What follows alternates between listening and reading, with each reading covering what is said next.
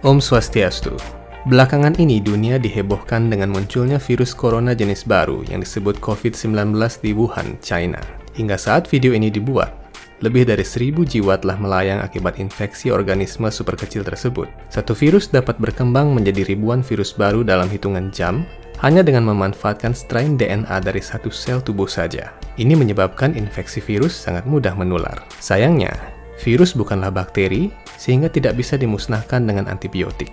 Untuk membasmi virus, seseorang harus mendapatkan obat antivirus. Antivirus ini memblokade dinding sel sehingga virus tidak bisa menyuntikkan kode genetik jahatnya ke dalam DNA sel. Dari sudut pandang pengetahuan Weda, mungkin banyak dari Anda yang bertanya dan penasaran mengenai bagaimana pandangan Weda terhadap eksistensi virus. Mengingat virus baru ditemukan dalam ranah iptek modern sekitar 1 hingga 2 abad yang lalu, kita mungkin bertanya, apakah para resi penerima sabda suci Weda telah membahas mengenai virus dan mikroorganisme lain yang dapat menginfeksi makhluk hidup. Disebut sebagai apakah organisme itu dalam istilah Veda? Bagaimana metode untuk menyembuhkan penyakit akibat virus menurut pustaka suci Veda? Ikuti terus video Hindu Times Channel untuk mendapatkan penjelasan menarik dari beberapa pertanyaan tersebut. Video-video Hindu Times Channel telah dipakai sebagai referensi terpercaya di sekolah-sekolah, perguruan tinggi, dan pasraman Hindu. Semua itu adalah berkat sumbangsih tulus Anda untuk menyebarluaskan video ini. Peningkatan mutu konten Hindu Times dapat kami lakukan karena dukungan like dan subscribe dari Anda. Setiap like dan subscribe yang Anda berikan akan sangat membantu menambah semangat kami untuk menyajikan video-video informatif lainnya dalam misi penyebaran kabar Dharma. Selain itu, Anda juga dapat mengunjungi situs web kami pada link yang tercantum di kolom deskripsi untuk menikmati artikel majalah Hindu Times secara gratis dari volume pertama.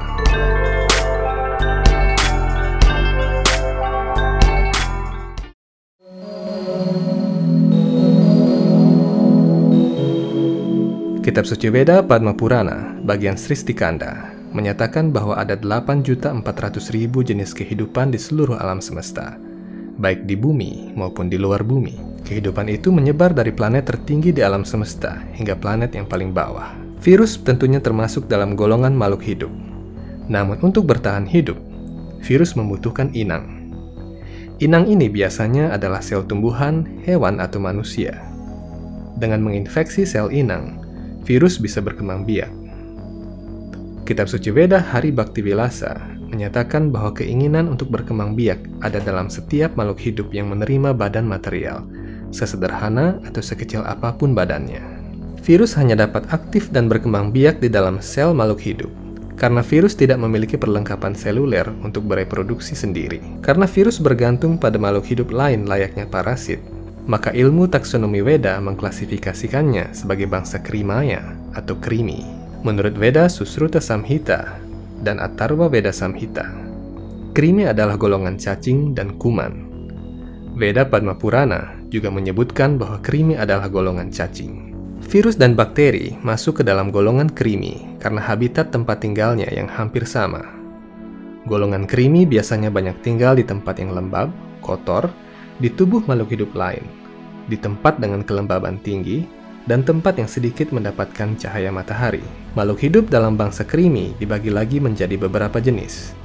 Namun secara garis besar, mereka dapat dibagi menjadi dua golongan utama, yaitu golongan drisya yang dapat dilihat dengan mata biasa, dan adrisya atau yang tidak dapat dilihat oleh mata tanpa bantuan nalika yantra atau mikroskop.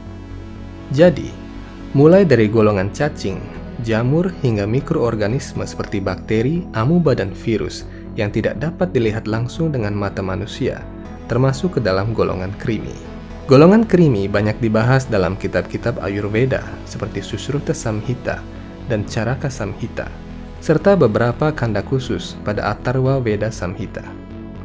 Hal ini dibahas sedemikian rupa pada kitab-kitab tersebut karena sejak zaman Veda pun, sebagian besar penyakit yang diderita oleh makhluk hidup, khususnya manusia, berasal dari krimi, terutama golongan adrisya yang tidak dapat dilihat oleh mata telanjang. Seperti yang kita alami saat ini, penyakit yang disebabkan oleh mikroorganisme adalah salah satu yang paling sulit untuk ditangani. Contohnya, butuh waktu berbulan-bulan hingga vaksin virus terbaru dapat dibuat. Sampai vaksin itu selesai, orang tidak bisa memprediksi berapa banyak korban yang meninggal. Kitab suci Weda pun menyatakan bahwa penyakit yang disebabkan oleh krimi yang tidak terlihat memang lebih sulit untuk ditanggulangi dibandingkan dengan penyakit yang disebabkan oleh makhluk hidup yang bisa dilihat dengan mata. Selain karena sulit untuk dideteksi, mereka juga menyebar dengan sangat cepat. Ciri-ciri ini persis sama dengan penularan virus. Penguasa dan pengendali golongan krimi adalah Dewa Waruna, yang juga menguasai lautan. Dewa Varuna adalah salah satu dari delapan dewa utama penjaga unsur alam yang diberi kuasa oleh Tuhan Sri Krishna untuk menguasai samudera, bibit penyakit, dan arah barat semesta. Dewa Varuna yang dalam sejarah Yunani dikenal sebagai Poseidon, tinggal di sebuah kota bawah laut yang disebut Wibavari dan bertugas mengendalikan lautan dan bibit penyakit. Apabila Dewa Varuna tidak berkenan atas ulah manusia yang mengotori lautan atau merusak keseimbangan alam, maka beliau menyebarkan bibit penyakit berupa epidemi. Itulah sebabnya orang-orang pada zaman Weda memohon kepada Dewa Varuna untuk menetralisir wabah yang disebabkan oleh golongan krimi. Tradisi luhur ini masih dapat kita lihat hingga saat ini. Umat Hindu, baik di Bali, Jawa maupun India, selalu melakukan mandi suci atau melukat di laut untuk menetralisir berbagai macam wabah penyakit. Karena itu pula, laut juga dikenal dengan sebutan usada dan nidhi, sumber dari segala obat-obatan dan harta karun. Beberapa golongan masyarakat hingga kini melarung sedekah ke tengah lautan sebagai penghormatan kepada Varuna. Mengaturkan persembahan hasil bumi ke lautan bukanlah praktik sesat menurut pengetahuan Veda, karena Dewa Varuna adalah sosok yang nyata dan merupakan abdi Tuhan yang suci, maka umat manusia sudah selayaknya memberikan penghormatan kepada beliau. Di Bali khususnya, Para leluhur terdahulu senantiasa memperingatkan agar orang senantiasa menjaga lautan. Dalam konsep Sadkertih, pelestarian laut atau segara kertih disebutkan secara khusus.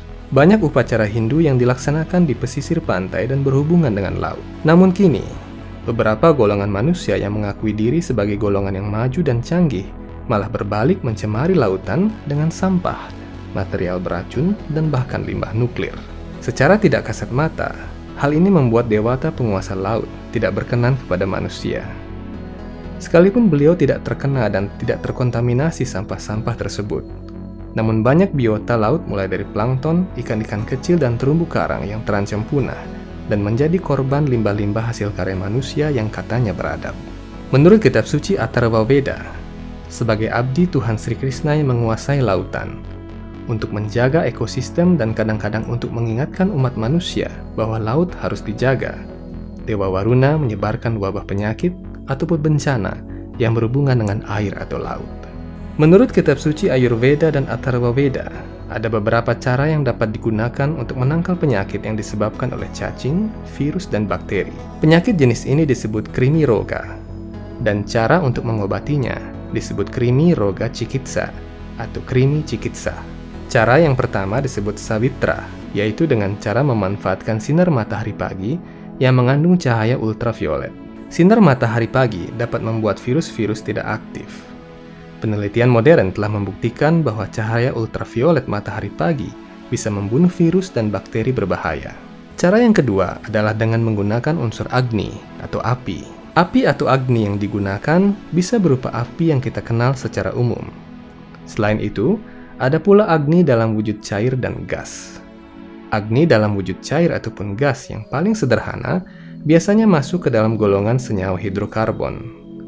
Beberapa di antaranya adalah metana dan etana, yang kemudian oksidasi sebagiannya menghasilkan metanol dan etanol yang digunakan sebagai antiseptik. Contoh lain dari agni dalam bentuk cair adalah bahan bakar minyak, seperti bensin, solar, aftur, dan lain sebagainya. Nyatanya, para ahli mikrobiologi berpendapat bahwa secara umum virus dapat dilumpuhkan dengan alkohol pada kadar tertentu, serta cairan disinfektan yang mengandung klorin, hidrogen peroksida, kloroform, dan pelarut lipid. Penelitian terbaru pun menemukan bahwa virus yang sedang menyebar saat ini tidak dapat bertahan pada suhu di atas 57 derajat Celcius.